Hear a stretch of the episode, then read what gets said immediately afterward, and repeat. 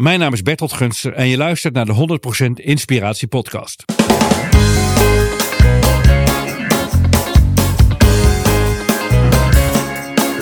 Hey, wat goed dat je luistert. Hij staat weer voor je klaar. Je wekelijkse dosis inspiratie is weer daar.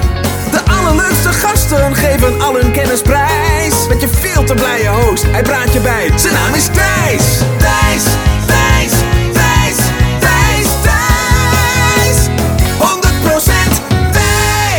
Ja, hij staat live. Een kerstverse nieuwe aflevering van de 100% Inspiratiepodcast. En wel met Bertolt Gunster. Ik hou nu even zijn nieuwste boek in de lucht voor de YouTube-kijker. En dat is, zoals verwacht, loopt alles anders.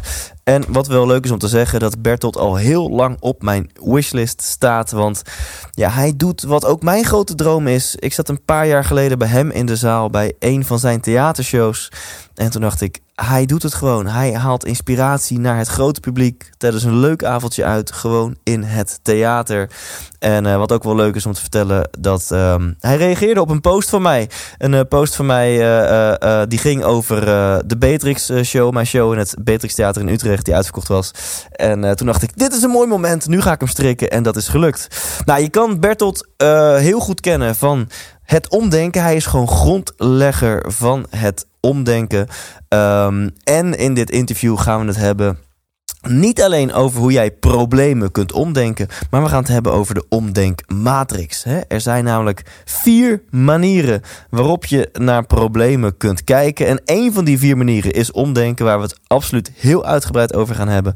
Maar we gaan het ook hebben over eh, die andere drie. En daar hou ik van. Volgens mij hou jij daar ook van. Gewoon een interview wat niet alleen superleuk is om te luisteren, maar gewoon met hele praktische tips. Dus of het nu gaat om desastreuze grote problemen of gewoon dagdagelijkse problemen. In deze podcast ga je erachter komen.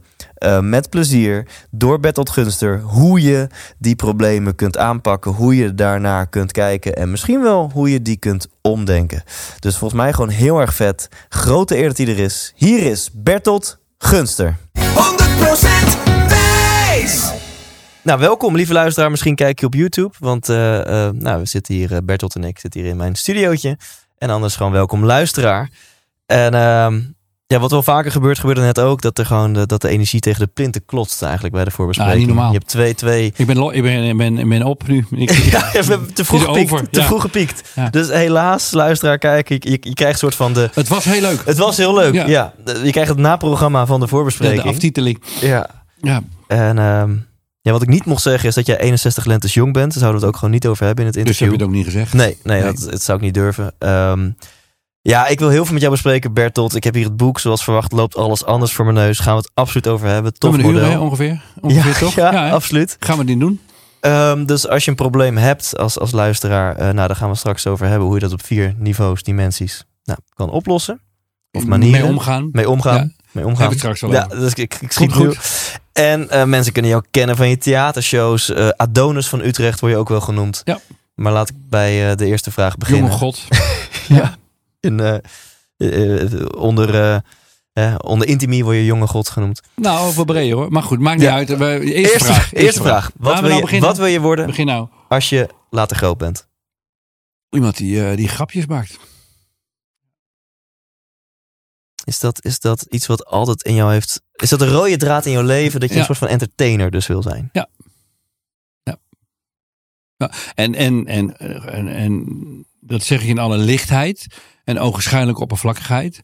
Maar ehm, eh, als iets echt heel erg grappig is, echt leuk, wat ik leuk vind in ieder geval, dan getuigt het ook van eh, ehm, eh, gevoel voor humor en creativiteit en intelligentie. En als die drie samenvallen, humor, creativiteit, intelligentie, dan, eh, dan ben je in een soort staat van verlicht zijn. En, en zie je dan bij intelligentie ook een stukje inspiratie? Of hoeft dat niet? Want als je zegt humor, creativiteit, intelligentie, hoeft het nog niet per se een boodschap Ja, in te ligt zitten. precies. Ja, ik heb het allemaal grote, hele abstracte woorden. Humor, Ja. creativiteit, intelligentie en inspiratie is ook een groot woord. Dus ze, vragen, roepen, ze schreeuwen eigenlijk om een, om een definitie. Wat, wat het dan Ja. precies is. En dan laat ik zo zeggen, eh, ik, als ik me geïnspireerd voel, dan kan het niet anders. Of wat ik doe is ook leuk, licht, grappig, eh, creatief. Daar, daarin valt alles samen. Dus voor mij mag inspiratie is daar is, is, is een soort ja, een veld wat, waar dat dan invalt, zeg maar. Ja. Nou, zou jij plezier, voldoening kunnen halen uit een theaterprogramma met waar niet per se een boodschap in zit. Dus wat, wat Nee, als hoofdmoot heeft mensen nee, aan het lachen kan- maken. Nee, nee, nee. nee. Want dan is het niet intelligent. Dan is het niet Ja. creatief. Dat, eh, ja. Nee, dat zou, dat, zou, ik- nee, dat zou ik niet ambiëren.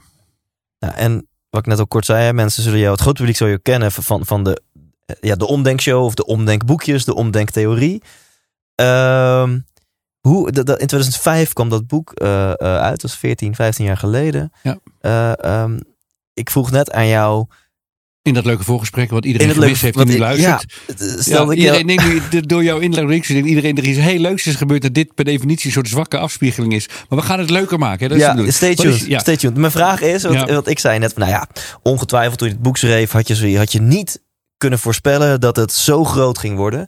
Nou, en wat was jouw antwoord? Nou ja, wel. Eigenlijk wel, als ik eerlijk ben. Dat had ik wel verwacht. Ja, ik had En, wel en, ideeën van. en, en neem ons dan eventjes mee, want ik heb veel luisteraars Ja, die ook met- grote ambities het is en niet, het is dromen niet met een hebben. boek begonnen. Ik ben begonnen Ja? met een, eh, met een, eh, een show, een theatershow. eh, een soort mengeling van training, workshop, dagvoorzitterschap, stand-up, com- stand-up comedy, van alles, zeg maar, van alles.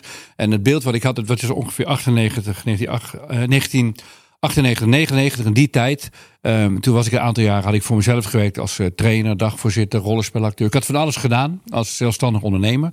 Eh, gewoon facturen sturen, de, de kl- klussen hebben en eh, zorgen dat je werk hebt. En toen na twee jaar bedacht ik van, nou, wat vind ik nou leuk om te doen? En wat, wat, wat, inspireert mij? Wat is mijn passie? Of, eh, gewoon als je opstaat, weet je, denkt, nou, dat vind ik leuk. Dus als je dan toch werk verzint, verzin er niet wat je leuk vindt. Ja. Toch? En eh, ik ga niet elke keer voor mezelf beginnen en dan ga ik iets sufs bedenken. Nee, dus wat vind ik leuk? Waar ben ik goed in? Of zou ik goed in kunnen worden? Eh, eh, En waar zit de wereld op te wachten? In de zin van dat het qua zingeving, maar ook qua geld, waar zit, waar zit handel? Die drie dingen bij elkaar. En uiteindelijk, dat heeft na lange periode van bezinning geleid tot een visioen wat ik zag, een beeld wat ik zag, een, een zaal mensen. Ik met een acteur, assistent, sidekick naast me, een achterwandje met ja maar. Ik had toen een soort heel dun verhaaltje over, over ja maar en ja en. En een zaal mensen die natuurlijk ademloos aan mijn lippen hangt. Het einde, climax, staande ovatie en, eh, en, en een factuur en die wordt betaald. Dat was zeg maar het bedrijfsbedrijfsmodel. Maar dit, was, dit, was, ben. dit was jouw hoofd, hè? Dus Ja. een kijkje was een visie. Ja. In, in welk jaartal? Dit was eh, ongeveer 98, 1998 Ja, en ik vind het- En ik dacht, nou, dat, dat, ga, dat ga ik wel tien jaar doen. Maar ik vind Dacht het zo gaaf. Sorry, ik ga heel veel onderbreken. Want en mijn vaste luisteraar die weet het misschien. Maar ik vind het zo gaaf omdat dit gewoon 100% bij mij resoneert. Want ik heb thuis nog een A4'tje liggen uit 2013 of zo. En ik had ook ineens zo'n soort van moment van inzicht. En ik schreef zo, wacht even, drie ingrediënten. Humor, muziek, inspiratie. Ja. Een zaal met lachende eh, gezichtjes op het podium, een drumstel en een flip-over. En Thijs Lindhout. En mensen is, eh, gaan lachend, geïnspireerd naar huis. Nou, eh, dus dat, jij had exact dus Ja. ook zo'n En ik had ook geen, ik had het verhaal wat ik had was heel dun. En eh, eh, het, het beeld wat ik voor me zag was heel erg helder. Gewoon een geluidsinstallatie, een acteur met muziekjes en trainingsachtige dingen doen. En en het, bela- het belangrijkste is, en als je kijkers, luisteraars, kijkers of allebei iets mee wil geven, wat, mijn, wat mij het meeste hielp, was gewoon mijn guilty pleasure benoemen. Wat, wat, waar word ik nou opgewonden van? Is de staande ovatie. En als je, dat moet je durven. Ik had, het, ik, had dat, ik had al twintig jaar gewerkt daarvoor als regisseur, Ja. als dagvoorzitter geweest. Maar als ik gewoon, en ik had mensen geholpen, en ik had mensen gecoacht, en ik had met daklozen allemaal projecten gedaan, jarenlang. En ik, had steeds, ik was er steeds voor andere mensen. En dat vond ik, dat vond ik ook super. Maar als ik gewoon echt heel eerlijk was, wat vond ik nou geweldig, is gewoon een staande ovatie. Alleen dat zeg je niet, want dat is gênant. Dan ben je een soort egocentrische narcist. En dat, dat, dat wil je, je wil natuurlijk voor andere mensen leven, dacht ik toen. Dat wil ik ook nog steeds. Maar eigenlijk, wat ik het leukste vond, was gewoon een staande ovatie. Nou, dat, Ja. dat durven zeggen. Dus wat, wat wil Tegen je nou, jezelf. Te, nou, durven, Of- nou, durven erkennen Ja. dat je dat niet dat verzin je niet, dat ben je, dat draag je al met je mee. Maar durven erkennen dat dat is wat je wil, je guilty pleasure. Als je dat durft te zeggen, dan, dan ga je los. Dan start het, zeg maar. En zolang je dat niet durft te zeggen, doe je allemaal dingen die niet bij je passen. Het schiet gewoon niet op. Dus dat was mijn, toen ging de kurk van de fles. Met die zin, staande ovatie. Ja, en dat vind ik tof. Dus je noemt ook drie dingen. Ik moet, er, eh, ik moet het leuk vinden. Ja. Ik moet er goed in zijn. En er moet vraag naar zijn. Ja, dus en, als, als je dat, en, en het antwoord op die drie dingen vindt, is ongelooflijk, is fucking ingewikkeld. En dan moet je heel veel moed en durf en de pijn te durven dragen dat je het niet weet. En dat duurt misschien best wel lang, dat je dat niet weet. Bij mij heeft het maanden geduurd. We hadden dat in het inspirerende voorgesprek hadden we het ook over. Voor mij is maanden heel lang. Als ik iets wil, dan wil ik het gewoon nu, meteen, maar, maar, maar, morgen. maar, maar was jij echt doelmatig, planmatig bezig met het vraagstuk... hey, wat vind ik leuk, ben ik goed in en is vraag naar? Of, of overviel het jou als een soort van Nee. epiphany van... wow, Nee, het eerste. En ik, ik wilde wel mensen hebben het vaker gevraagd: maar heb je tips of hoe moet je dat ook doen? ik had wel tien jaar lang geregisseerd en ik Ja. had eh, heel veel dagvoorzitterschap gedaan. Ik had heel veel training gedaan. Dus dit moet je niet doen als je 16 bent of 20 of 22. Op die leeftijd moet je gewoon heel veel doen. Dus je- ik wist al wel wat ik ongeveer kon. Ik wist al wel wat ik leuk vond. Ik wist al wel wat, ik, wat mij bijzonder maakte. Daar had ik natuurlijk heel veel ervaring in. Dus dat, die vraag moet je zelf pas stellen als je, als je een end op weg bent in het leven. Ja. Ehm, eh, Tenzij je al heel snel weet wat je wil, prima. Of dat je het gevoel hebt dat je dat kunt weten. In ieder geval voor mij werkt dat zo. En, en, en al die ingrediënten, die, zijn, die heb ik laten gisten en nadenken. En eh, ik heb eh, per 1 januari van, ik geloof dat het 1999 was, mezelf de opdracht gegeven. Ik ga geen nieuwe dingen bedenken. Ik ga niet allemaal achter klussen aanrennen. Eh, als werk me niet inspireert en het leven niet volop, dan stop ik ermee. En ik ga gewoon net zo lang nadenken, contempleren. Ja. Een beetje laten gissen tot ik dit weet. En dat, heeft, dat is niet een één. Ik, weet, ik was wel op een Lanzarote en eh, ik weet precies welke dag ik stond daar. En toen zag ik dat voor me. Maar ingredi- stukjes daarvan had ik al wel gezien. Maar mijn dag viel, eh, ja, vielen alle puzzelstukjes samen. Toen dacht ik, ik ga een jaar maar. Nou, het heette toen nog de Ja en Nee, want Ja maar communicatieshow. Maar dat is een slecht idee. Maar dat, toen dacht ik, ik ga Ja, de Ja en naam. Nee, want ja, goed hè. Fucking, ja, fucking Wat een marketeer je Ja, toch? goed Ja. hè. Ik ga de Ja en Nee, want Ja maar communicatieshow doen. En eh, nou, dat Ja. was het namelijk. En eh, goed, maar dat werd al snel de Ja. Maar show. Maar dat, dat, op mijn dag zag ik dat echt wel Ja, je, je zag het voor je. mijn dag, ja. Meerdere, hè, eh, een DJ of stereo-installatie, trainingsacteur, flip-overtje, zaal. Nee, Eh, geen oh, Geen flip over. sorry. Nee, nee, nee, sorry. nee, nee, nee. Oh, daar ging het mis in. Theatraal. En dat is zielig, Oh, want dan krijg je training. Ja. En, en staande ovatie. En van al die ingrediënten was staande ovatie hetgene waar jij nog het het meest opgewonden van werd. Ja, ja. Net zoals En- ik nu zeg, wat, als jij mij vraagt, wat wil je later worden als je groot bent? Eh, iemand die grapjes maakt. Dus om het zo eenvoudig te kunnen zeggen wat Ja. je inspireert, dat is, En- dat en- is eh, de kunst. Kunnen we die even ontleden? Wat doet een staande ovatie met jou? Wat maakt dat dat, dat, dat jou gelukkig maakt? Dat jij dat misschien wel nodig hebt in het leven? Nou, Je stelt een heleboel vragen die ik alle, allemaal kritisch zou willen bekijken. Nodig hebben is een hele treurige vraag. Dat zou ook betekenen alsof je niet compleet bent zonder. Dus dat. dat eh, nee, ik, eh, maar laat ik gewoon. Laat ik, laat ik de, De- eh, van alle mogelijke antwoorden laten we kiezen voor de eerlijke. De en dan is het eh, de, de ervaring verbonden te zijn. Dat je, en verbindenheid is, eh, verbinding is liefde. Het verbonden zijn met mensen. Dat je weet, we hebben een connectie met elkaar. Ja, dus eigenlijk als je het zegt eh, waar ik een kick van krijg, een staande ovatie, dan doe je eigenlijk jezelf tekort. Want dat kunnen mensen interpreteren als een ego-gedreven doel. Maar het is ook dat, maar het is meer dan dat. Het is de verbinding die, die tot stand is gekomen met jou en de zaal. Ja, en eh, als we straks het over het boek gaan hebben. Ja. Er is heel groot. Ik maak een cruciaal onderscheid tussen verwachtingen en verlangens. En verwachtingen, in mijn definitie, zijn heldere beelden van hoe iets eruit zou moeten zien. Verwachting is een staande ovatie. En de, maar achter elke verwachting zit een verlangen. Ja. En dat verlangen is altijd abstract. En in, in bijna in heel veel gevallen, en zeker in dit geval, mijn verlangen was het dat van eh, liefde. Hè, de, de verbinding met andere mensen. En dat zit dicht. eh, en, en als je het alleen maar om een staande ovatie zou doen, als dat, het als dat je, eh, dan zou het ook om bewondering of respect of eh, eh, van alles kunnen zijn. Maar wat ik toen al wel vol voelde, en wat ook altijd de drijfveer is geweest, ik wist, daarin komen meer dingen samen dan alleen maar bewondering en handtekeningen en beroemd. Ja. En, eh, het is allemaal heel leuk, heel leuk, maar de, de werkelijke. Kijk, je hebt een ovatie, je zit in de auto, je bent weer alleen. Dus het levert je geen ene moer op en dat wist ik toen ook wel. Maar in het moment zelf, en, en je moet het verdienen, want je krijgt dat niet zo. Maar je krijgt dat als je natuurlijk echt iets van jezelf ook geeft. Ja. En dus eh, het is, het is een, een dun meetpunt, een heel dun meetpunt, maar wel een cruciaal richtpunt om te, te ervaren, te checken. Is hier sprake van een verbinding die mij op een, Ja. een diepe manier bevredigt? En een vraag die ik vaak stel aan artiesten, van, van Peter Pannenkoek tot, eh nou, tot Jan Dino Asporaat, is, is heb je het applaus nodig om gelukkig te zijn? Nee. Eh, Nee. Stel, iemand zegt nu Nee, tegen gewoon je... aanraken is ook wel heel fijn. En eh, ja, Ja, ja. dat, ja oké, dan, is- dan is het nog goed. Nee, maar stel iemand zegt tegen jou... eh Bertolt, je mag boeken blijven schrijven, je mag blijven bloggen, whatever. Ik weet niet of je dat doet überhaupt. Maar eh, je mag dus blijven inspireren middels tekst. Maar jij mag voor de rest van je leven nooit meer voor een zaal staan. Wat zou dat met jou doen? nee, dan, dan is het jammer, maar er, nee, er is genoeg over. Ja. Ja. Ja. Jammer voor die zalen. ja, Ja. jammer voor we hebben het. Ja. En nog één en dan gaan we door. Maar eh, ik vind het is ook een belangrijke deugd. Nou, over bescheidenheid gesproken. Jij, jij geeft dus aan in 98, 99, toen jij dit visioen had. dacht je meteen van, ehm, nou, dit, dit gaan we wel voor de komende tien jaar doen en dit gaat wel heel groots worden. Ja. Is dat, staat dat, dat veel, waarom ik deze, of de vraag die ik wil stellen gaat in de richting van veel luisteraars denken nu, hoe, hoe doet hij dat zo groots denken? Is dat aan te leren? Weet je wat? Was dat gewoon lef of zit dat in jou? Dus wat maakte dat jij ja, gewoon niet bescheiden bent? Dat je gewoon dacht, wow, dit wordt iets groots. Nou, omdat ik, omdat ik wist, ik vind het heel leuk. En als je iets heel leuk vindt, dan is de kans dat je heel erg lang doorgaat en alsmaar beter wil worden uh, vrij groot. Want je vindt het gewoon leuk. Wat je Ja. doet.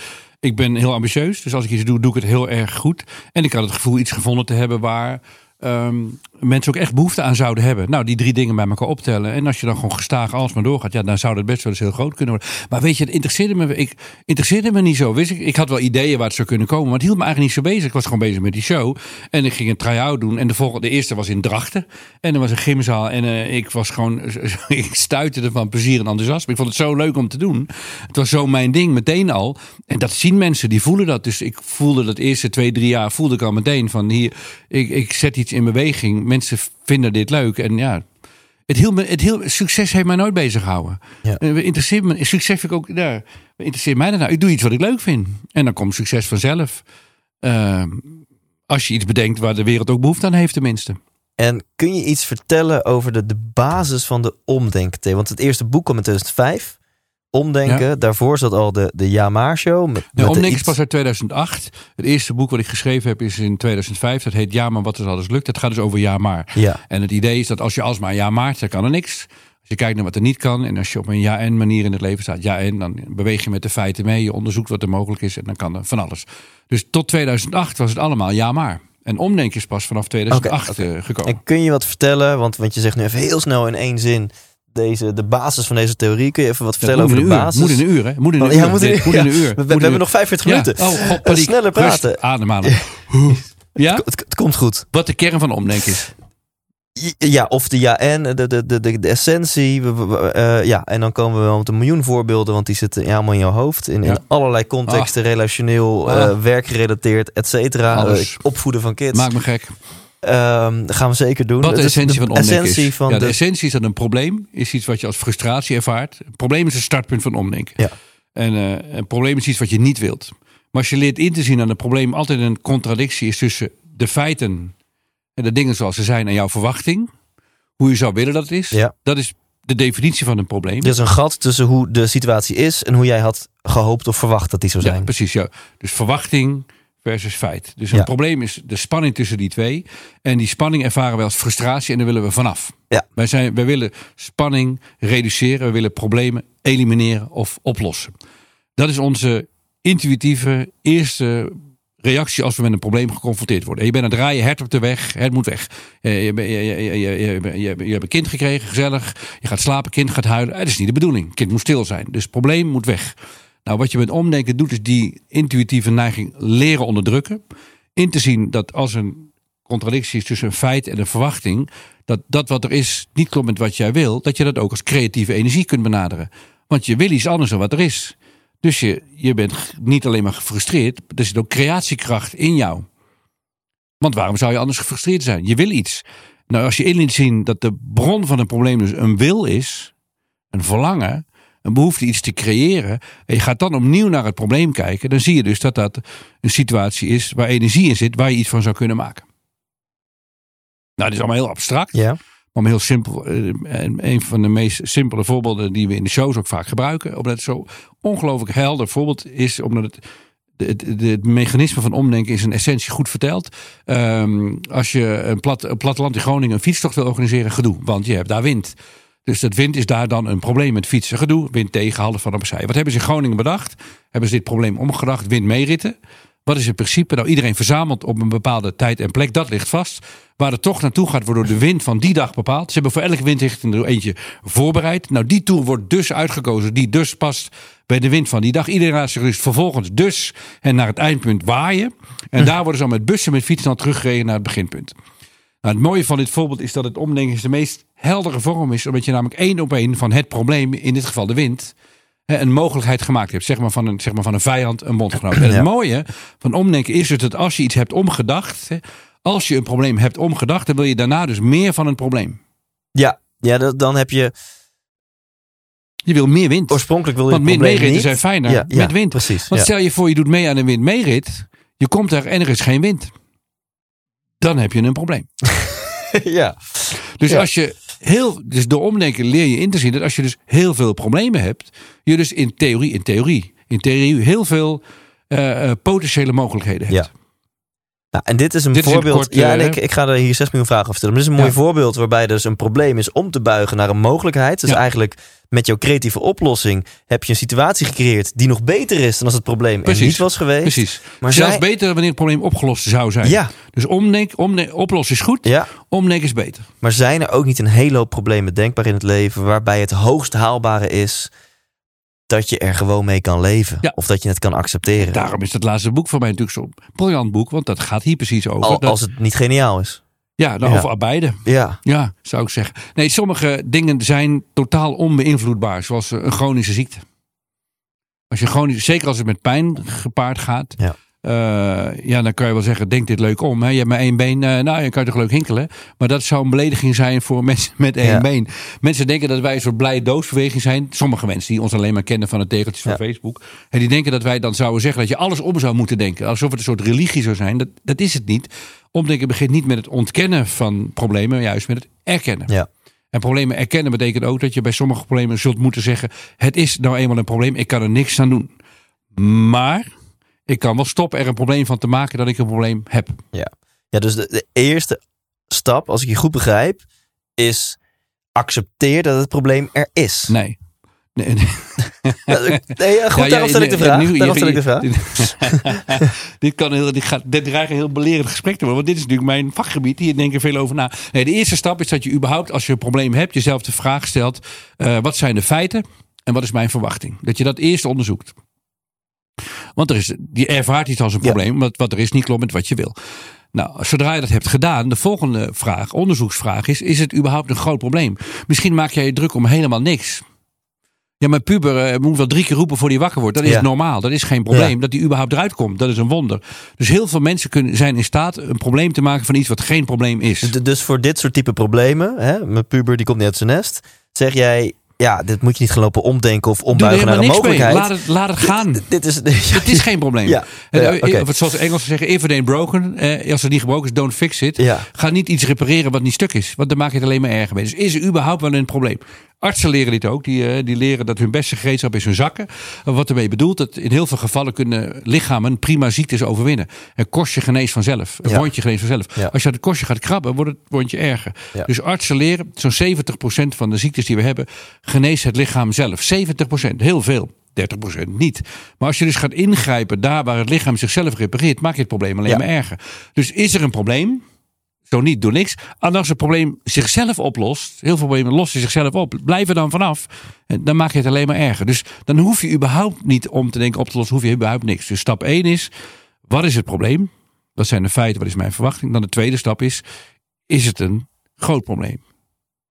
Is het een probleem en is het een groot probleem? Ja. Er komen heel veel mensen maken ook ruzie om hoe de vaatwasser wordt ingericht. Kan een hele grote ruzie over maken. Eh, laat het gaan. Zelfs als het een probleem is, kan je zeggen, laat het gaan. Dus vraag 1 is het een Ja. probleem. Vraag 2 is het een groot probleem. Zo niet, laat gaan. Nou, en hou hem vast, want we gaan natuurlijk verder. Maar even nog het vaatwasser, want ik, ik, ik, mensen die flikkeren nu een koffiekopje door de kamer. Ja, Ja, Bertolt, vaatwasser geen probleem, laat het los. Hé hey vriend, dat is heel leuk gezegd, maar hoe doe ik dat dan? Want, dit, dit, dit- want, want ja, ik hoor gewoon vrouwen of mannen denken... ja, die, die gozer of die, die, die vrouw van mij, die, die ruimt dat ding niet in... En, eh, en ga je me nu vertellen dat ik dat maar gewoon moet pikken, weet je wel? Dus ja, dan vraag ik me af, als jij daar druk over maakt. Of als je druk maakt over dat de hondenpoep op de straat ligt. Over dit soort problemen. En kunnen, men, Nederlanders kunnen zich over dat soort dingen heel erg druk maken. Dan eerst is, eh, wees gezegend dat je blijkbaar een leven hebt dat je daar druk over kan maken. Andere mensen zitten op een bootje op de Middellandse Zee, die gaan Ja. misschien dood. Of andere dingen die erg zijn. Eh, dus verzegen het leven dat je hebt, dat je de tijd en Ja. aandacht hebt om je hier druk over te Ja. maken. En de tweede vraag is, joh, wat levert het je op om hier een probleem van te maken? Laat het gaan. Nou ja, je zou ook kunnen zeggen, als jij op, op, op zoiets ogenschijnlijks kleins en praktisch ruzie maakt of, of oneenigheid hebt in je relatie, ja, neem dat heel serieus, want het zou zomaar eens kunnen zijn dat er op dieper level allerlei dingen spelen. Helemaal mee eens. Ja, helemaal mee eens. Ja, dat is een hele goede observatie. ja, dus, ja, oké. Als je het niet los Dus kunt laten, ja, hoe- dan, is het dan wordt dat een groot hoe probleem. Maak je dan de distinctie tussen een probleem waarbij je zegt, ja, laat gewoon los, het is geen probleem. En hey, dit moet je Nou, wel... dat, doe je, dat kan je zelf bepalen. Op het moment dat jij merkt dat je het niet los kunt laten, terwijl je rationeel weet dat het een klein probleem is, dan is jouw verdiepende vraag: wat is dan? Dan zit er een probleem achter dat probleem. En dat is, dat is dan een reëel probleem. Ja, en dan komen we bij de volgende stappen van het omdenken. Nou, stel, dit is toch niet aan de hand. Het is een praktisch probleem, je relatie is stabiel, maar je denkt gewoon allebei over het, eh, het project in ruime vaatwasser. Hoe zou je dan dat, dan dat dan alsnog kunnen omdenken naar een mogelijkheid? Want ik kan toch voorstellen dat je, ja, je wil Dat, ook je, je, je hebt nu een denkbeeldige situatie van twee partners die eh, gedoe hebben over de vaatwasser. Het is geen probleem, maar ze hebben er wel een probleem mee. Dat, dat is wat jij inbrengt. nou, nou ja, je wil is dat gebaseerd op je eigen leven? Of is, Nee, is het, nee, dit, dit, dit, of- dit, dit concept bedenk ik gewoon te plekken. Ja? Ja? Wat dan, zeg je? Nou ja, je, want je wil niet de partner zijn eh, die, die vervolgens dus altijd degene is die die vaatwasser inruimt. Ja, ik zou zeggen, als je, als je hierover gedoe hebt. En, en verder qua seksualiteit gaat het goed. En ideeën over kinderen wel of niet krijgen. En qua werk. Al die dingen gaan allemaal goed. Joh, dan ga daar gezellig heel erg lang leuk een probleem van maken. En daar een soort hobby. En dan prijs je zelf dat de rest gewoon goed is. Dan is er niets aan de hand. En dan, dan is er ook. eh, je, kunt, je kunt een probleem hebben. Maar er verder geen probleem van maken dat je een probleem hebt. Heb dat probleem dan gewoon en gezellig klaar. Eh, Ik vind het ook verder niet zo'n boeiend onderwerp. Ja, als de rest allemaal goed is. Wat is er aan de hand? Helemaal niks. We, we, eh, we leven in Nederland in 2020. En als mensen, stel- als er stellen zijn die nu luisteren, denken: ja, dat probleem heb ik. Maar verder gaat alles wel goed. Joh, prijs je gelukkig met je leven. En ga over tot. tot- en geniet van dat conflictje. Hè, kan je het elke keer ergens over hebben. Gezellig. Ik Ja. heb het idee dat je dit onderwerp van de vaatwasser graag wil afronden. Nou, wat jij zei is heel zinvol. Kijk, als je, als je, dit, als je zo'n onderwerp wat eigenlijk, waarvan je met je verstand weet, dit gaat helemaal nergens over. Als je dat niet gedeagendeerd krijgt, dan is er echt iets serieus aan de hand. En dan is een Ja. verdiepende vraag heel erg terecht. Daar ben Ja. ik helemaal met je eens. Ja. En dan zit er iets achter. Heeft te maken met controledwang. Of dat je de, de, jezelf de lul vindt. Dat je altijd alles moet doen en de ander niet. Nou, dat is een heel serieus vraagstuk. En daar gaat dat dan onderzoeken. Want dan zit er een dieper probleem achter. Oké, en dan verder met je theorie. Zegt één, het is helemaal geen probleem. Twee, laat het los. Ja. ja, als het geen probleem is, dan maak er dan geen probleem van. Als het geen groot probleem is, laat het los. Ja, klopt. Ja. Nou, en dan komen we bij de volgende vraag. Wat is mijn invloed op het probleem? En dan moet je dus gaan kijken naar... eh, eh, kan ik de feiten beïnvloeden of niet? En kan ik mijn verwachting beïnvloeden? Door hem of los te laten of bij te stellen of niet? En, eh, dan, zijn, en dan kom je logischerwijze, nou, aangezien beide variabelen twee opties hebben... eh, je kan het veranderen of niet. eh, kom je tot een matrix van die kan je kruisen bij elkaar. En zo is dat is de essentie van de, en de theatershow die, we, die ik nu doe. En, de, en het laatste boek wat eh, ik geschreven heb, zoals verwacht loopt alles altijd. Ja. De matrix van het omdenken. En het eerste, de eerste optie, die kaart je eigenlijk al aan. Hè, wat je, doe je als je... je, je gaat nu al stiekem naar jouw... eh, oh, dan gaat je... Nee, nee, dat is oh, wil prima. je terug? Ja, ja, ik wil nee. ook andere dingen doen. ja, nou, wat, la- la- laten we één stapje, één stapje terug gaan. Ja. En dan ondertussen zoek ik even op welke pagina die matrix staat. Is goed. Ehm, want ik, ik heb een van jouw shows gezien. Ja. De, de- ik weet Lastige kinderen heb jij even gelukshow, had je gezien. Lastige hè, kinderen heb jij even gelukshow. Niet dat ik, want je vroeg ook aan de zaal wie van jullie zit er in het onderwijs, wie van jullie heeft de kids. Nou, ik zit niet in Nee, het nee, onderwijs nee, nee, nee. en ik heb geen kids. Je hebt wel een Toen niet leven. en nog steeds niet. Ik heb wel een leven. Ja. Ehm, leuk show. Eh, Dank je. inspireerde mij giga, eh, niet alleen qua inhoud, maar ook zeker qua vorm. Want ik dacht, deze man geeft mij hoop. Want het bestaat dus. Het bestaat dus Ah. om met een inspiratieshow, om met een soort van seminarachtige show, Ja. gewoon de grote schouwburgen, de grote zalen uit te verkopen. Ehm, en een van de dingen die mij nog is bij, bijgebleven van die show, en dat is knap, want het is een paar jaar geleden, is dat jij zei, begin nou eens met het probleem te zien als een feit. Ja. En van een feit kan je gaan, misschien dat ik niet helemaal letterlijk, maar van een feit kan je gaan naar de oplossing, maar dat heel veel mensen al, eh, en daar doelden meerdere vragen ook op, sommige mensen al het probleem niet willen zien als een feit of zo. Nou, mooie vraag Thijs. Je, Wat- ja, kan je het even toelichten? Nee, wat is je vraag? Wat is je vraag? Wat is je vraag? Oké, Want ik ga, anders ga ik weer uit mijn nek van alles ja. vertellen. En dan Nee. zeg je weer, dat was niet Nou, de bedoeling van een dit- interview. Kan je Dan begin je deze, toch weer bij het voordat we naar het model gaan, kan je Ja. deze theorie even toelichten? wa- Wat je daar precies mee bedoelde? Dat je zegt, begin nou eens Nou, ik, leg de, ik leg er daar de drie stappen, net als bij die wind. eh, We houden even de wind meerit voor de luisteraar. Houden we die, als de luisteraar die het ook wil begrijpen. eh, omdenken is eigenlijk twee stappen. Eh, en daarna komen we weer terug op die matrix. Stap 1 is, eh, eh, zoals bij de wind meeritten, maak van iets wat je een probleem vindt nou eens een feit. De wind waait nou eenmaal zoals die waait. Ja. Dus stap 1 is maak van een probleem een feit. Van iets waar je bent geneigd bent ja maar tegen te zeggen. De wind, ja, uh, waait. Je ziek, ik wil niet ziek zijn. Ontslag, wil ontslagen worden. Mijn kind huilt, mag niet. Hey, je wil een probleem wegduwen. Maak van een probleem een feit en van een ja maar een ja. Stap 1. Dus accepteer wat je niet veranderen kunt. Ja. En als je dat doet, dan scheelt een hele hoop gedoe. Want je verzet je tegen iets wat je niet veranderen kunt. Ja. En dat scheelt een hele dus hoop Heel veel van de energie zit in wij willen als we dingen veranderen niet, we gaan dood. Kinderen zijn vervelend, onze partner doet het soms niet. En sommige dingen zijn nou heel, nou sommige, ontzettend veel dingen zijn nou eenmaal wat ze zijn. En wij zijn zelf ook wie we zijn. En we moeten doen met wie we zijn. We voelen wat we voelen. Dan moet je, dus sommige dingen zijn nou eenmaal. Nou, alles is wat het is. Uh, nou, en sommige feiten kun je niet beïnvloeden. Zoals de wind die waait. Die waait nou eenmaal. Dus maak van een probleem een feit. En kijk vervolgens, als het daarbij zou blijven, dan zou het heel berustend zijn en passief. Maar dat is het niet. Daarna volgt het creatievere stap door tegen dit feit ja en te zeggen. Door er helemaal in mee te bewegen. Door te onderzoeken wat je ermee kunt. Hoe je het in je voordeel kunt gebruiken. Kun je van sommige feiten, juist door er in mee te bewegen, door ze te accepteren, een nieuwe mogelijkheid maken. En het mooie is wel dat, dat iedereen voelt dat we aan vaak door als we onszelf tegen wat we niet kunnen veranderen te verzetten, ja. houden we het vaak in stand. Ja. Terwijl we door het te accepteren mee te bewegen, daardoor kan transformeren. Ons verzet houdt het vaak in stand. Terwijl onze ogenschijnlijke overgave kan leiden tot transformatie. Om dan toch nog even de vaatwasser bij te halen. Zou je daarbij dan ook kunnen zeggen van of het nou, dat is weer een andere discussie, of het nou echt een probleem is of niet. Of het nou een klein probleem is of een groot probleem. Eén ding is een feit. Op dit moment denken je partner en jij anders over het uitruimen van de vaatwasser. En dat je ook al stopt met verzetten tegen het feit dat dat gewoon zo is. Ja, en dan, kijk, als laten we, laten we dan, je moet omdenken. Begin ook altijd dat je de feiten ongelooflijk precies in beeld brengt. Dus in jouw voorbeeld wil ik, zou ik ook willen weten, nou, wat is het probleem? Nou, laten we zeggen, de ene heeft een heel dwangmatig autistisch manier van inrichten. En de ander maakt het niet zoveel uit. Ja. Dan heb je dus twee actoren. De een die autistoïde inricht en de ander die wat nonchalanter is. Beide kunnen gaan omdenken. Beide hebben ook een andere uh, andere invloedssfeer op het probleem. Degene die wat autistoïde is, die zou kunnen zeggen: Weet je wat, laat mij het maar altijd doen.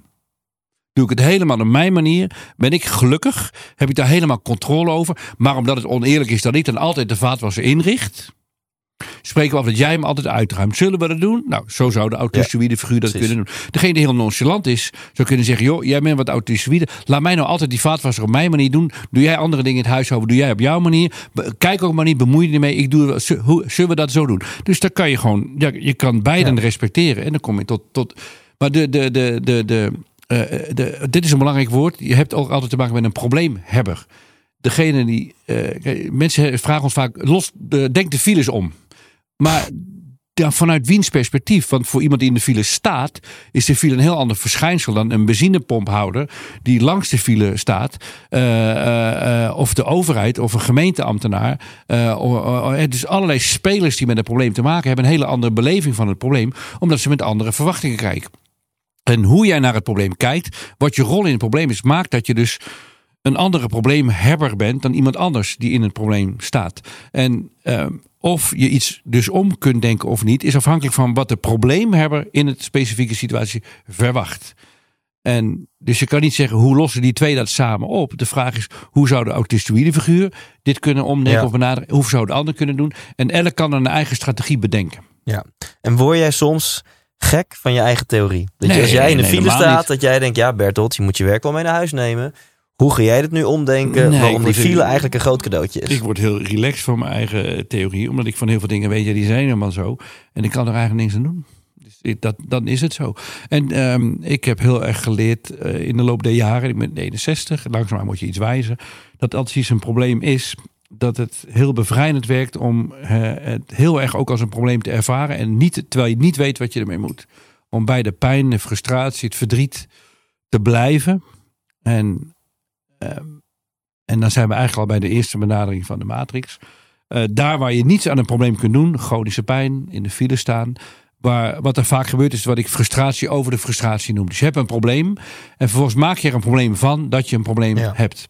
En eigenlijk al die leemlagen van, die je eromheen legt. Je, je, stel je gaat naar de sportschool en je hebt een abonnement gekocht en je stopt. En, eh, en dan denk je, oh, stom, en ik ben gestopt en ik wist het wel. En wat ben ik, uh, van het geld. Er komen allemaal lagen van problemen bij. Frustratie over frustratie over frustratie. Die eindigen dan mee dat je denkt, oh, wat ben ik ook een sukkel.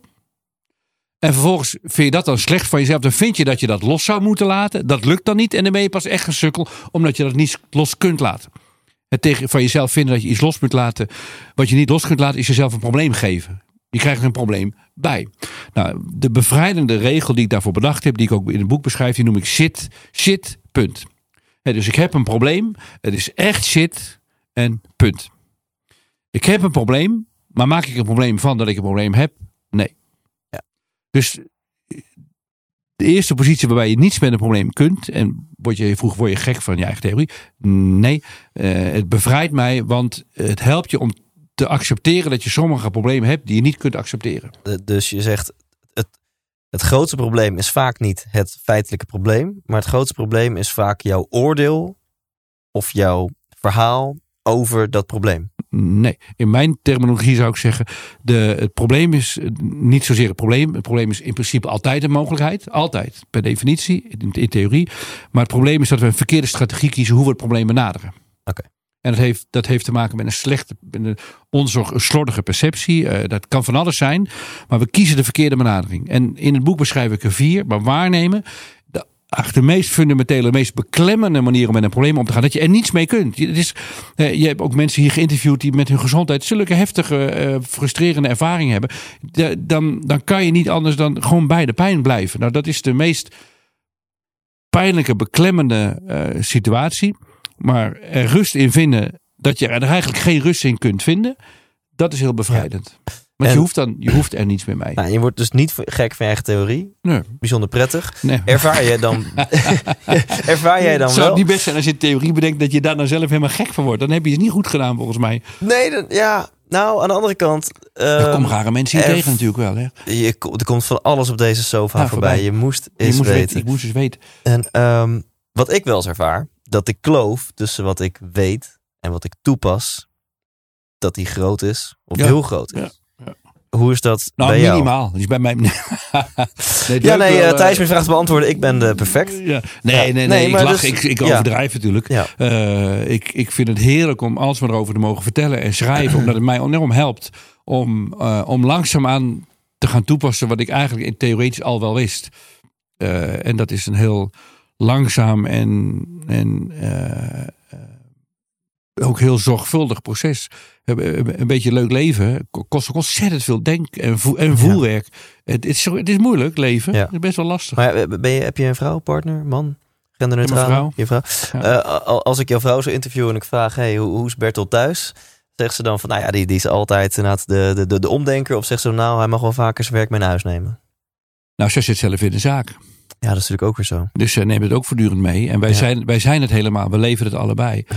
En ehm, mm, ja, ik denk dat ze mij een hele loyale, lieve en ook eh, hele ambitieuze en dus ook wel lastige man vindt. Ja. alles bij elkaar. Wat, Ja. wat, Maar dat moet je aan haar vragen. hè? Dus ik vul een beetje in nu. wat, wat, wat zou ze lastig aan je kunnen vinden? Energie. De voortdurende energie. Ik heb gewoon heel veel energie. En, eh, Ja, dat denk ik. En dan even een vraag tussendoor voor mijn luisteraar, die misschien wat minder energie heeft. Eh, denk je dat het geluk is dat jij gewoon van nature veel energie ja, hebt? dat is mazzel. Ja, dat, is, dat is geen talent. Dat ben ik eh, een gift.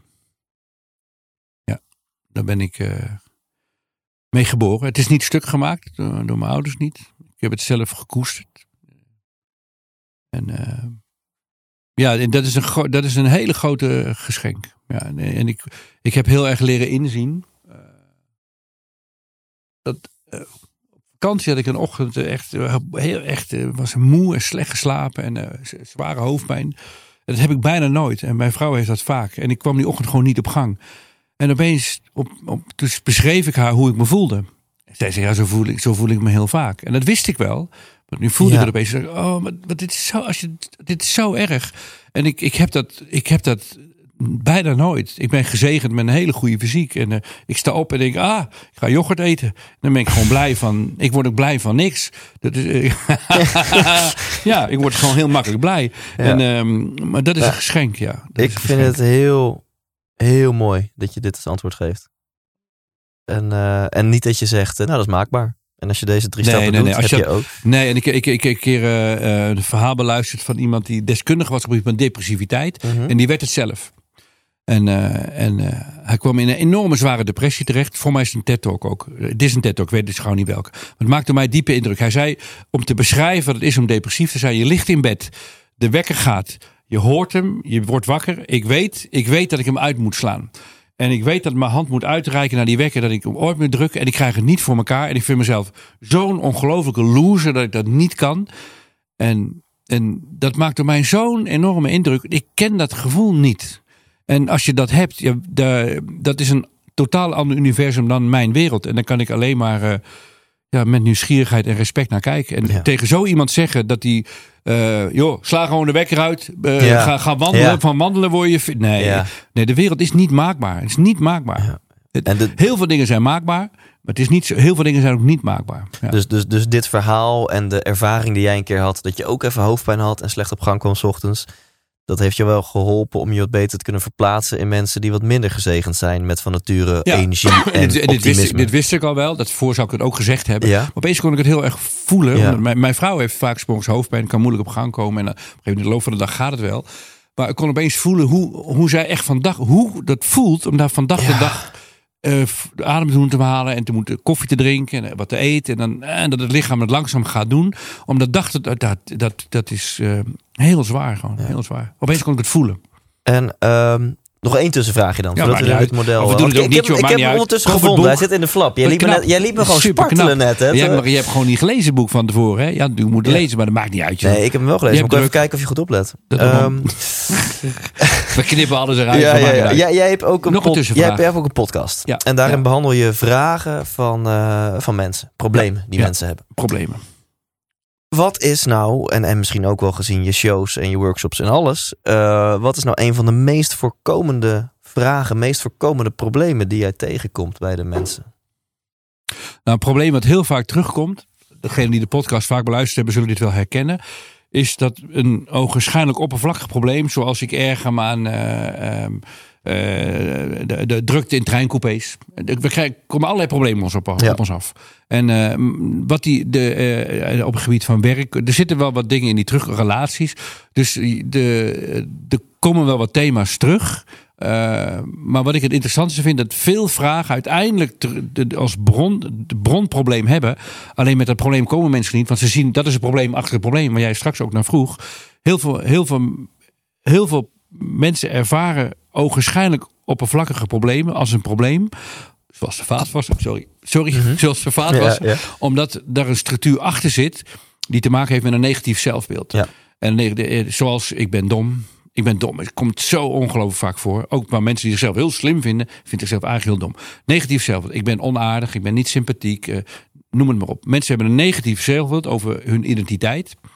Uh, alleen dat negatieve zelfbeeld wil je niet voelen. En je wil het eigenlijk ook niet weten. En je wil het liefst oplossen. Dus als jij jezelf heel erg dom vindt, dan ga je boeken lezen. Ga je proberen slim over te komen. Ga je proberen het tegenovergestelde van het negatieve zelfbeeld te creëren. Als een soort verhaal. En heel veel mensen kunnen daar, zijn daar best wel succesvol in. Die kunnen best wel heel slim overkomen. Um, en vertellen daarmee de wereld en vooral ook zichzelf um, dat ze best wel slim zijn. Ja. Voor iemand die eigenlijk heel dom is. Want zo'n negatief zelfbeeld krijg je nooit, die krijgt dat nooit weg. Nou, die structuur, je hebt een negatief zelfbeeld. Je hebt een ideaal wat je er tegenover stelt. Uh, en daar dan tussen heen en weer jojoen. Want het ideaal ga je nooit bereiken. Want je, wanneer weet je nou dat je slim bent? Ja, een huis heb je gebouwd. Maar de identiteit, wanneer is die af? Ja. Dus het ideaal haal je nooit. Daar wil je, maar daar wil je alsmaar naartoe. Het negatieve zelfbeeld wil je niet zijn. Ondertussen dus dan ga je zwaaien we Melissa uit. Doei Melissa. Dag, dag. Fijn weekend. Dag, tot ziens. En daar dan heen, tussen heen en weer jojo. Dat is een, dat is een probleemstructuur die heel vaak uh, zichtbaar wordt. En dat is eigenlijk dieper liggende probleem. En alleen komen mensen daar niet mee, want ze hebben dat niet in de gaten. En hoe behandel jij dan in zo'n half uurtje? Uh, uh, hoe ga je ermee om? Uh, om zo'n persoon dus een eerste stapje te helpen? Nou, heel zorgvuldig luisteren en vragen stellen. Op zoek gaan naar de structuur, hoe het in elkaar zit. En ik moet ontzettend oppassen dat ik natuurlijk wel de goede diagnose stel. Het goede ja. probleem vind. En als, dit, als dit eenmaal duidelijk is, dat, het, dat iemand zo negatief zelf het met zich meedraagt. Dan, nou, dan is het net zoals je een ja, zoals je iets uit de grond spit, dan, dan til je dat naar boven en dan in, uh, dat benoemen. En dan, dat doet dan, is dan pijnlijke constatering. Ja. ja uh, voor uh, iemand om dat onder ogen te moeten ja. zien. Want tegen iemand die zichzelf dom vindt, dan het, altijd het meest provocatieve en ook verlichtende is om dan tegen iemand te zeggen: Ja, ik kwam binnen, ik had al in de gaten, je bent nog niet zo slim. En als dat dan pijn doet, dan is dat waarschijnlijk een bevestiging van dat iemand dat als zelfbeeld heeft. En dat los je niet op door te zeggen: joh, dat valt wel mee, maak er geen probleem van. Nee, de, het enige wat je. Iemand kan dat pas loslaten, dat negatieve zelfbeeld. Als je die pijn helemaal durft te voelen en het durft te benoemen en er humor van kunt maken. Nu komt humor ook weer terug. Ja. Dat, je, dat je kunt inzien dat jij dat denkt. En dus kan je ook stoppen dat te denken. Ja. Als je erom kunt lachen, dan heb Ja. je, heb je wel een hele grote stap gezet. Precies, precies. En mensen die luisteren. Eh, en die, merk, die, die voelen nu, oeh ja, ik heb ook wel een, een negatief zelfbeeld. Op wat voor vlak, op wat voor Ja. gebied dan ook. Kun je hun een eerste concrete tip, stapje geven? Ja, dat klinkt misschien heel eh, raar, maar ga een aantal van die, onze podcasts beluisteren. Want dan merk je, er komen mensen binnen, niet vermoedend, die, die met een probleem komen. En in, in sommige structuren zul je herkennen. Eh, en dan ga je merken hoe, hoe zo'n zelfbeeld onthuld, negatief zelfbeeld onthuld kan worden. Dus dan ga ze beluisteren. Dat, is, dat, kan je echt gaan doen. En dat helpt. Want, eh, we hebben mensen, ik, ik heb heel veel mensen van reacties gekregen. Ik ben ze allemaal gaan luisteren. En eh, nu snap ik hoe het werkt. En dan ga ik voor mezelf op zoek naar wat wil ik eigenlijk niet zijn. En dan ga ik het helemaal voelen. En dan ga ah, hoera. Dan ga ik op zoek naar negatieve zelfbeelden. Dus dat, dat werkt. En wat ook, wat ook, dus tip 1 is ga die podcast luisteren. Tip 2 is ga eens naar hoe, hoe probeer je over te komen. Eh, op een niet-authentieke manier. Dus als je probeert heel erg slim over te komen. nou, Of als je eh, heel erg heel lief wil zijn. Allerlei gedrag wat er niet authentiek uitziet. Dan is de kans heel groot dat jij jezelf als maar een sprookje aan het vertellen bent. Dat je tegenovergestelde bent van wat je echt denkt dat je eigenlijk bent. Ja. Dus wat is niet authentiek gedrag? Eh, waar zet je te lang door waar je eigenlijk zou moeten opgeven? Waar doe je te veel je best? Sowieso is je best doen heel erg slecht. Je moet in je leven überhaupt niet... Ja, je moet het goed doen, maar je best doen om op een bepaalde manier over te komen. Dat is bijna altijd een, een kenteken van dat je zo'n negatief zelfbeeld probeert te verhullen, te verbloemen. Kop van deze podcast. Ja? Bertolt Gunster. je, moet, je moet niet je best doen. Nee, nee, je moet niet je best doen om op een bepaalde manier over te komen. Ja, je moet wel heel erg je best doen om iets goed. Je moet niet je best om iemand te zijn, maar wel om iets te doen. Dat zijn heel belangrijke verschillen. Ehm, en ik, ik, je noemt er twee. Ik wil, nog een, ik wil nog een derde. Ik hou van rijtjes van drie. Je podcast luisteren, maar je moet mi- minder je best doen om iemand te zijn wie je eigenlijk niet bent. Mhm. En eh, ehm, ja, hoe... hoe Eh, voelen wat pijn doet. Dat is dan de derde. dus, dus, Dus dus- eh, als iemand tegen jou zegt, eh, nou ik vind het niet zo aardig. Als je auw, auw. Dus Als het auw doet, oké. Als, als het heel erg auw doet iets. Of snap je dat niet? Als, oh, oh, oh. Dus als iemand iets zegt waarbij je denkt, wat vinden ze van me? Wie, ik, wie, ze denk, wie denkt dat ik ben? Dan is de kans heel groot dat, je, dat jij dus bang bent om zo over te Ja. komen. Ja. Dus dat is dan de derde dus tip. de- je, je innerlijke vijand, de- zo zou je hem kunnen noemen, als je merkt dat dat... dat Ja, dat je boos Dat wordt. je of heel eh, intens- ja, veel te heftig reageert. ja, Snap je dat niet? Als je gewoon kunt zeggen, nee, ik snap het niet, dan is er niks aan de hand. Dus ik, Ja. jawel, jawel, ik snap het wel. Dan is de kans heel groot dat je dus aan het verbloemen bent dat je niet dom wil overkomen. Als ik op mijn roze wolk ga zitten, dan is dit een van de dingen die ik zo erg de wereld en de meeste mensen gun. Dat je wat vaker in kunt zien. Dat als jij dus van binnen een soort van ontploft of merkt dat je heel geraakt wordt. Dat Ja. je dan in plaats van denkt, wat een klootzak ben jij.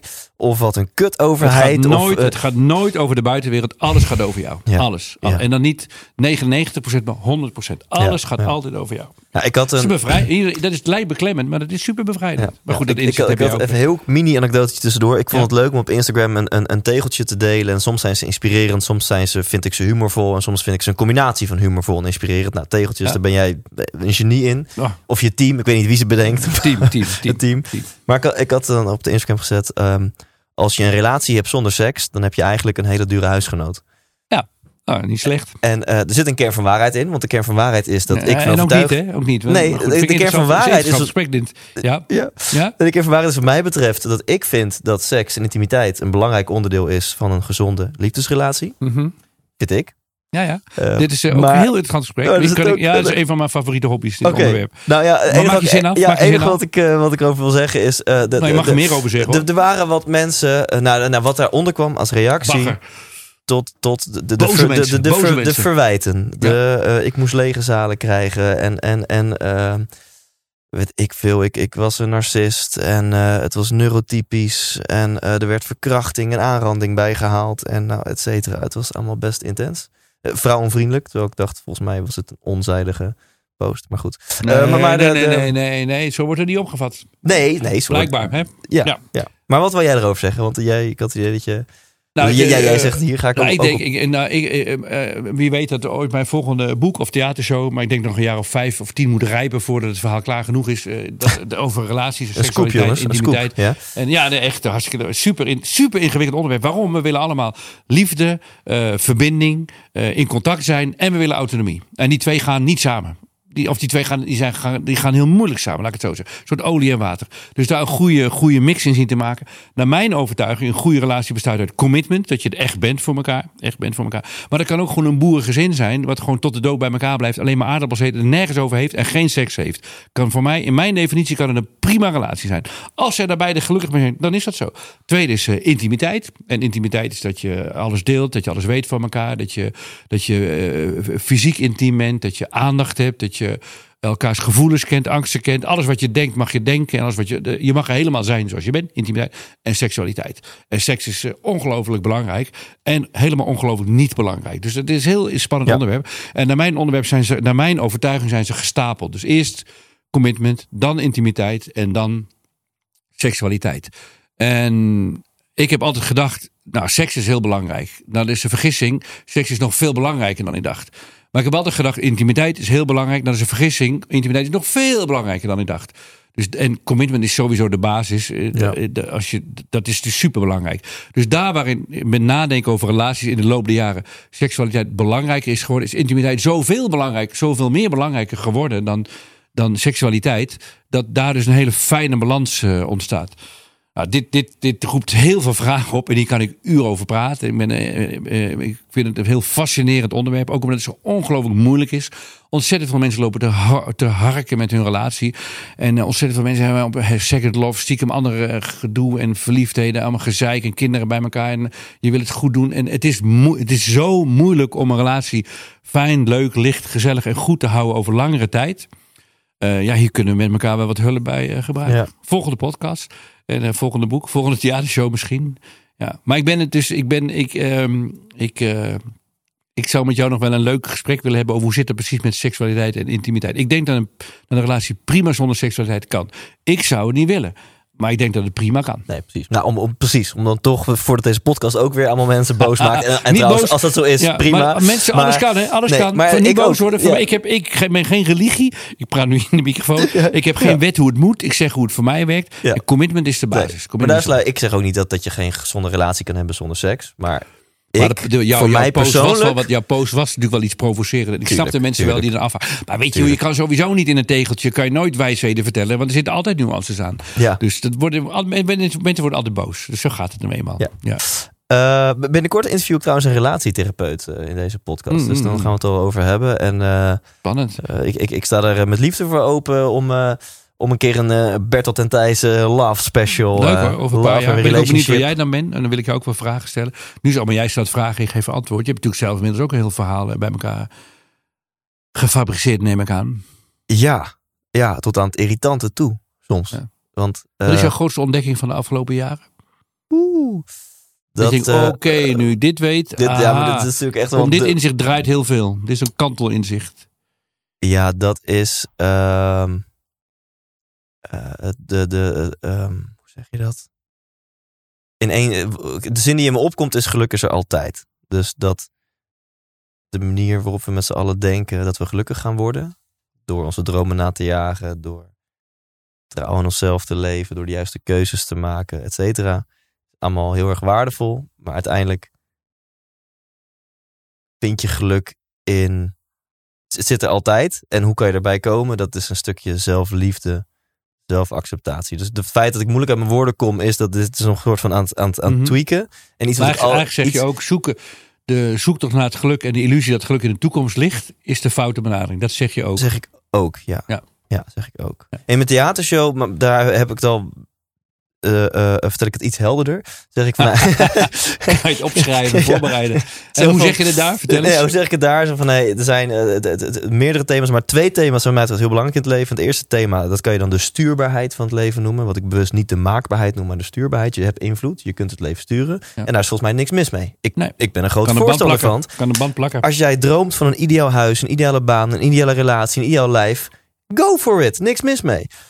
Is het matrixveld oplossen. Ik doe Ja, alleen even en- het boek erbij. Daar hebben we en, dat en, en, gehad. en, en aan de andere kant Sommige heb dingen zul je, los moeten laten. heb, je, heb je mindset. Oftewel, eh, eh, aan de ene kant werk aan de ideale omstandigheden. Niks mis mee. Aan de andere kant train jezelf om gelukkig te zijn, ongeacht de omstandigheden. En die twee, volgens mij is dat een interessante balans. Sommige mensen mogen wat meer leren van train nou eens je vermogen om ook gewoon tevreden te zijn, om gelukkig te zijn. En andere mensen wil je een schop onder een reet geven, dat je denkt van hé, hey, maar werk ook eens aan de kwaliteit van je leven Door dingen te doen. door dingen te doen. Ja.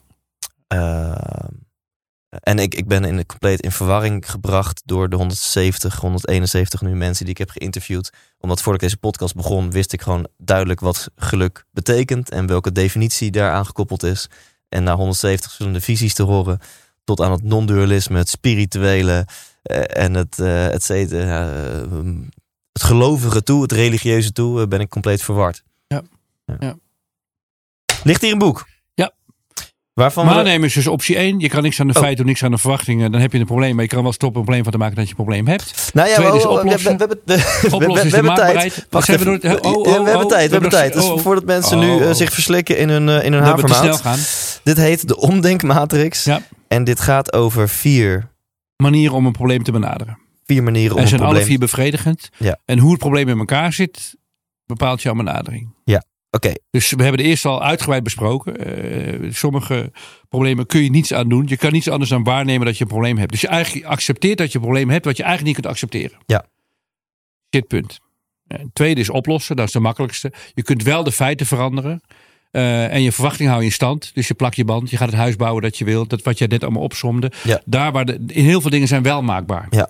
En ga het gewoon doen. Dat is leuk, niks mis mee. En eh, als je er zin in hebt, doe het. Als je geen zin in hebt, doe het niet. Maar heel veel problemen kun je gewoon fixen. En dat is het matrixveld oplossen. Dus je past de feiten aan aan jouw verwachting. Nou, daar tegenover staat het tegenovergestelde dat je de, ehm, dat je de eh, feiten niet kunt beïnvloeden. Je wordt nou eenmaal ouder, bijvoorbeeld. Eh, als je een bepaald kind krijgt met een bepaalde stoornis, ja, daar moet je het mee doen. De wind in Groningen waait nou eenmaal zoals die waait. ja. En de enige manier om daar vrede mee te sluiten is door je verwachting los te laten. En door je verwachting los te laten. Loslaten is de derde bevredigende manier om met een probleem om te gaan. En eh, eh, dat kan op heel veel manieren. In het boek beschrijf ik hoe en wat. Dan geef ik allemaal tips. En bijvoorbeeld ben je wel de probleemhebber. Eh, je kan je heel druk maken over dat je zoon zijn huiswerk niet maakt. Maar het is zijn school, zijn diploma. Hij moet het halen. Hè, laat het los. Het is jouw probleem niet als ouder. Ja. En als je als vrouw het hele netwerk van je man onderhoudt. De verjaardagen, de visites en bloemetjes. Dat hij zijn moeder moet bellen. Kan je allemaal doen. Maar je geeft allemaal problemen op je schouder. Je kan je ook loslaten. Het is zijn probleem. En dus ben je wel de probleemhebber. En een heel groot veld voor heel veel vrouwen die nu luisteren. Vrouwen vinden dat ze alles moeten doen. Dat is alles. Kijk, mannen hebben gewoon een hobby. Die gaan, weet ik veel, geo, geo eh, coaching doen of zo. Eh, Catching, geocaching, hoe het heet. Of bergbeklimmen. Die hebben één hobby. 100% inspiratie. Gaan er helemaal voor. En de rest doen ze dan een beetje vissen. Diepzeevissen. En de rest doen ze er een beetje bij. Eh, vrouwen vinden dat ze alles goed moeten doen. Nou, dat, daar, maak, daar maak je dus heel veel problemen mee. En ik denk dat mannen iets relaxer zijn en denken, nou, een paar dingen doe ik goed. En de rest, weet je, doe ik een beetje om, om zo'n beetje half erbij. Als je en een goede moeder moet zijn, en een goede man te zorgen, en je moet een goede opleiding hebben, en je moet goed uitzien, en je moet goede seks hebben. En, je moet, en vrouwen laden, die laden zichzelf helemaal vol met allemaal verwachtingen. Nou, laat dat, doe het al. Niet alles hoeft altijd perfect. Loslaten dus. Nou, de derde, het vierde, het laatste manier om een probleem te maken, dat is natuurlijk de mooiste, waar je zowel de feiten kunt beïnvloeden eh, als je verwachting kunt beïnvloeden. Daar kan je dus een probleem omdenken. Je kantelt het in een nieuwe mogelijkheid, zoals de wind meeritten. Je accepteert wel de wind, maar door wind meeritten te bedenken, maak je nieuwe feiten. Je maakt een hele nieuwe tour. Ja. Je bedenkt een nieuwe tour. Het is dus niet loslaten. Dan zeggen, nou, we fietsen maar niet. Of nou, we fietsen maar eenmaal tegen de wind. Het is zo. Je denkt het echt om door, door feiten toe te voegen. We maken een nieuwe wind meerit. En je verandert ook je verwachting hoe een fietstocht eruit zou moeten zien. Dat, dat is eh, omdenken. Laten we er nog even doorheen lopen. Ja. Ja, dit is fantastisch. En ik zie het schemaatje voor me, dus ik kan het checken. Je, je hebt twee assen. Je hebt eigenlijk dus de, de, de twee variabelen. Dus, Dus verwachtingen ja, dus en feiten. kan je het feit aanpassen, ja of nee? Ja. En kan je je verwachting aanpassen, ja, of nee? Ja. klopt. En als je dus het feit niet kan aanpassen en je kan ook je verwachting niet aanpassen. Neem waar dat je een probleem hebt. Je Ja. kunt daar niks aan doen. Als je het. Ik heb het bewust niet accepteren genoemd, want je kunt het nou juist niet accepteren. Nee. Van hey, dit, dit is Dit gewoon. probleem is shit. Het is echt shit. En als je het feit niet kunt aanpassen, maar je verwachting wel. Verwachting loslaten, dan laat je los. Ja. Probleem weg. En de- wat is daar het beste voorbeeld van? Eh, Een goed voorbeeld van? eh, dat je, nou, er zijn heel veel voorbeelden. Als je op een gegeven moment, uh, uh, als je als vrouw, dit is een pijnlijk voorbeeld misschien, maar als je als vrouw heel graag kinderen wil krijgen, maar op een gegeven moment heb je de biologische leeftijd, dat dat gewoon echt niet meer kan. Ja, gewoon echt het niet meer feit kan je niet En dan aanpassen. moet je het loslaten. Het is heel erg en pijnlijk, maar laat het los. Als iemand dood is, je, je, je, je, Ja. ja. iemand, je zult moeten loslaten dat die persoon er is. Dat is pijnlijk. Dat duurt ontzettend. Maar ja, en dat loslaten gaat ook niet vanzelf. Het is heel ingewikkeld. Eh, Maar als je, eh, als je baan kwijtraakt, je kan ontzettend boos wezen, protesten. Ja. Je zult moeten loslaten dat dat nou eenmaal zo is. en in dit pijnlijke voorbeeld, en daarmee wil ik over niemands emotionele voortuin heen, want ik weet dat dit heel, heel groots is natuurlijk. Maar zou je ook kunnen zeggen, nou, je kan ook kiezen voor adoptie en dan heb je het omgedacht, want dat is ook nog eens positief, want je helpt een kind in een eh erge Ja, situatie. alleen en alleen je- of, of dat dus omgedacht is, wordt bepaald niet door jou of door mij. Niet door de adviseur of coach, maar door de probleemhebber. ja, Iemand die het probleem heeft, als die dat zo kan ervaren, ja, ja. dan is het omgedacht voor die persoon. Maar die, met respect voor die persoon, die bepaalt dat dan. En ik ga ook niks adviseren. We hebben alleen een model. Ja oké. Dus, wat, je, wat je zegt is helemaal juist. dus kun je je, je, je feit... Het, Mogelijk zou, dat, mogelijk zou dit probleem tot iets kunnen leiden. Wat een nieuwe mogelijkheid is die ik nooit had voorzien. En Ja. dat zou natuurlijk fantastisch zijn. Soms is dat zo. En dan gaan we nu naar de tweede helft van de matrix. Stel je kan het feit wel aanpassen, maar je verwachting dus niet. Die wil je niet. Die wil je in stand houden. Die wil je in stand houden. Je wil je Ja. in stand houden. Dan, dan, je wil dat de band geplakt is. dan gaat het over oplossen. Dat, dat zijn eigenlijk hele praktische problemen. Ja, maar oplossen, oplossen kan je, kan, je kan ontzettend veel opgelost worden. Ja. En eh, ik weet niet of, nou, een heel mooie, er zit een hele mooie combinatie tussen loslaten en oplossen.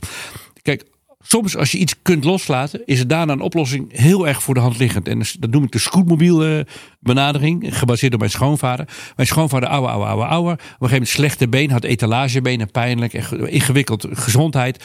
Maar hij kon gewoon niet het beeld loslaten dat hij een jonge man was. Hij wil gewoon nog steeds een jonge man zijn. Maar op een gegeven moment had hij gewoon, hij, Ja. hij kon gewoon eigenlijk niet meer lopen. Hij had eigenlijk moest hij in zo'n scootmobiel. Maar dan- hij verzette zich, verzette zich, verzette zich, verzette zich. Pas toen hij dat idee kon loslaten dat hij een jonge, gezonde god was. Toen dacht ik, oké, ik geef toe, ik laat dit los. Toen kocht hij een scootmobiel. En opeens had een geweldige wereld, was zijn bereik werd veel groter. Ja. Dus wij staan onszelf heel veel hele Ja. simpele oplossingen niet toe. Omdat we een, een idee aannamen over hoe we zouden moeten zijn, niet los kunnen laten. Dus er zit een hele fijne combinatie. We kunnen veel meer dingen oplossen als we eerst iets hebben losgelaten. Ja. En in het, het geval van, van je band plakken, hè, je zou dus, dit is gewoon de oplossing. Je wil je verwachting niet bijpassen. Jouw verwachting is dat je fiets het gewoon fucking Precies, doet. precies. Dus er- maar je, maar zou ook kunnen zeggen van nou, ik verwacht dat ik gewoon op mijn velg fiets. Dat is ook prima. En dan gaat mijn fiets niet naar de kloten. Maar dan, dan hoef je het niet op te lossen. Dan zou je dat loslaten kunnen noemen. Ja. ja, ja. Ja. En dan Of tot- waarnemen, als je dat wel kut vindt, dan ga je gewoon. Een, maar het is een wat raar voorbeeld. Maar ja, als je gaat fietsen op een, op een, op een velg en je hebt er geen probleem mee, dan heb je het losgelaten. Maar als je er wel een probleem mee hebt, maar je gaat je band niet repareren, je vindt elke irritant, dan neem je het waar, maar je blijft wel gewoon fietsen. Je hebt een probleem, maar je maakt er geen probleem van dat je dat probleem hebt. Ja. Ja. En het mooiste is, hè, de magic happens wanneer je het feit kunt aanpassen en je kunt je verwachting aanpassen. En dan zit je in het rechtsboven kwadrant, namelijk omdenken. Ja, en om een heel simpel voorbeeld daarvan te geven. Als man verlies je langzaamaan je haren. Natuurlijk irritant. Dan kan je een eh, toepetje nemen of haarimplantaten doen. Kan je het oplossen. Je kan het loslaten. Je kan gewoon waarnemen dat je het probleem hebt. Ja, ik heb een probleem. Nou shit, ik word nou eenmaal ouder. is gewoon echt een probleem. Je kan het ook omdenken in dit voorbeeld. Door te zeggen, nou misschien is kaal wel de mode. En als je kaal echt de mode vindt, moet je echt. Iedereen Ja. zegt: wat heb je een fucking stoere kop zonder haar. Maar wow, Jaap Stam of hoe je er ook uitziet, is su- supergoed. Eh, en je ervaart dat als probleem hebben zelf ook zo. Dan heb je dus haarverlies omgedacht. Dat wordt dan je nieuwe mogelijkheid. Het leuke is dan, dan wil je dus meer van een probleem. Je wil meer haarverlies. En elke haar die nog weg wel groeit, is dan een nieuw probleem. En dan komen we terug waar we bij het begin van dit gesprek waren. Dat je bij omdenken dus meer van het probleem. Als je iets hebt omgedacht, wil je dus meer van het probleem. Ja, en dan tot slot, omdenken vergt creativiteit. En al- alle voorbeelden die je noemt, dat, dat, dat vergt dus even, wanneer iedereen zeg maar links omdenkt, ga je rechts omdenken. Hoe, hoe kan, je, kan, je, kan je daar iets praktisch voor meegeven om, om die, die creatieve omdenkwerkwijze, denkwijze, om die op gang te brengen? Ja, ik wil je, en, dan- en dan heb ik ook nog een leuk voorbeeld. En het gaat over seks. Dus dan hebben we. je hebt mijn aandacht. Ja, daarom. Ja. En eh, nou, de, de, eh, de meest creatieve vraag die je zelf kunt stellen is altijd: wat is mijn verlangen achter mijn verwachting? En dus je hebt verwachtingen, hoe dingen zouden moeten zijn. Maar hoe de dingen zouden moeten zijn, eh, dat je moeder elke week, eh, dat jij je moeder elke week belt, of iemand een bosje bloemen voor je meeneemt, je feliciteert op je verjaardag, dat je diploma haalt, dat je, nou, dat zijn allemaal verwachtingen. We hebben er duizenden, echt tienduizenden, miljoen, zo niet miljoenen. Maar de vraag is altijd, wat is een daarachterliggende verlangen? En de verlangens zijn er niet zoveel, dat is eh, erkenning, Hè, liefde, verbindenis. De, psych de psychologen hebben de grote drie. Dat is dat je je geliefd voelt. Dat je je verbonden voelt bij mensen. Dat is één. Dat je autonoom voelt. Dat je een zelfstandig iemand bent. En dat je competent voelt. Dat je gevoel Ja. hebt dat je dingen kunt. Dat zijn de drie fundamentele menselijke behoeften. Dus bijna alle verwachtingen die we hebben... zijn bijna allemaal... Zingeving is een sterke vierde. Mhm. Maar bijna alle verwachtingen die we hebben... zijn uiteindelijk terug te vertalen... door deze drie fundamentele verlangens. Ja. Dan wil ik het hebben over seks. En, eh, nogal wat mensen... Ja, dat mijn favoriet onderwerp. Ja, Na, na- nadat het gesprek dit spirituele hoogtepunt heeft bereikt, wil ik het graag hebben over ja, want seks. daarin komt alles samen. Ja. En, eh, maar nogal wat stellen. Dit, dit voorbeeld geef ik ook in mijn theatershow. Dus wie nou mijn theatershow bezoekt, dan is het even dubbel. Maar dat geeft Ja. niks. Ik geef het ook weg. Nogal wat mensen hebben ook als een lange relatie de behoefte aan eh, spontane seks. Denk, ah, de seks zou toch spontaan moeten zijn. Dat is een soort verwachting dat bij een ideale relatie heb je spontane seks. Ja. En als die seks niet spontaan is, dan heb je dus een slechte relatie. Wat een hele bizarre, domme, logische consequentie. Maar heel veel mensen denken er zo over. Maar goed, als jij langer bij elkaar bent, je hebt kinderen en, je moet mantelzorg verlenen, je hebt een drukke baan, je wordt wat ouder, gedoe met hormonen en eh, je bent aan elkaar gewend, dan, dan is spontane seks lastig. Als de een wil, wil de ander net. Gedoe, gedoe. Dus dat treedt dan niet zo vaak meer op. En dan hebben we een probleem. Dat voldoet dan niet aan jouw verwachting. Maar de vraag is. Wat is nou je verlangen achter die verwachting? De verlangen is natuurlijk dat je je uniek voelt, dat je geliefd voelt, dat je een fijne tijd hebt, dat het spannend en sexy is. Dat is natuurlijk je verlangen. En verwachting, de verwachting spontaan is een vorm. Maar je kan nog een andere verwachting kiezen, namelijk gewoon afgesproken seks. Gewoon spreek het gewoon af. Gewoon elke week, donderdagavond, 8 uur, huis leeg, alles aan de kant. En dan zet je vaccinelichtjes klaar, een beetje ontbossen of ontharen dan. En, eh, en zo- zorgen dat je een geurtje op hebt, dat je er voor elkaar bent.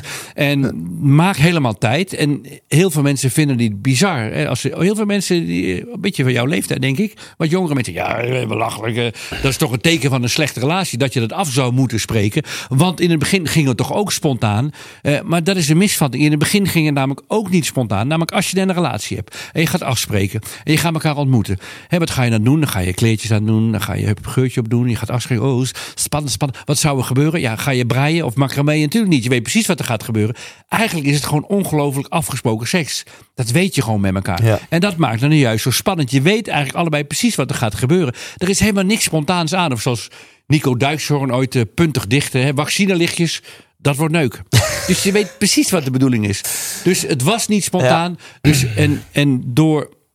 Als je, als, je, als je nu luistert, man of vrouw, of man en man en vrouw, vrouw in de zin maar geen moer. Je luistert hiernaar en ik weet, uit, ik weet, want ik heb veel gesprekken over groepen mensen. Bij veel mensen stuit deze gedachte op weerstand. Ja, dat vind ik niet. Maar ga nou eens bij jezelf naar, wat is nou je, wat is nou je verlangen? Dus kijk nou eens niet naar je verwachting, maar kijk eens naar je, wat, waar verlang je nou naar? Dat je je geliefd voelt, dat, je, dat iemand tijd heeft voor jou, dat iemand echt is voor jou en andersom. Dat, dat is wat je verlangt.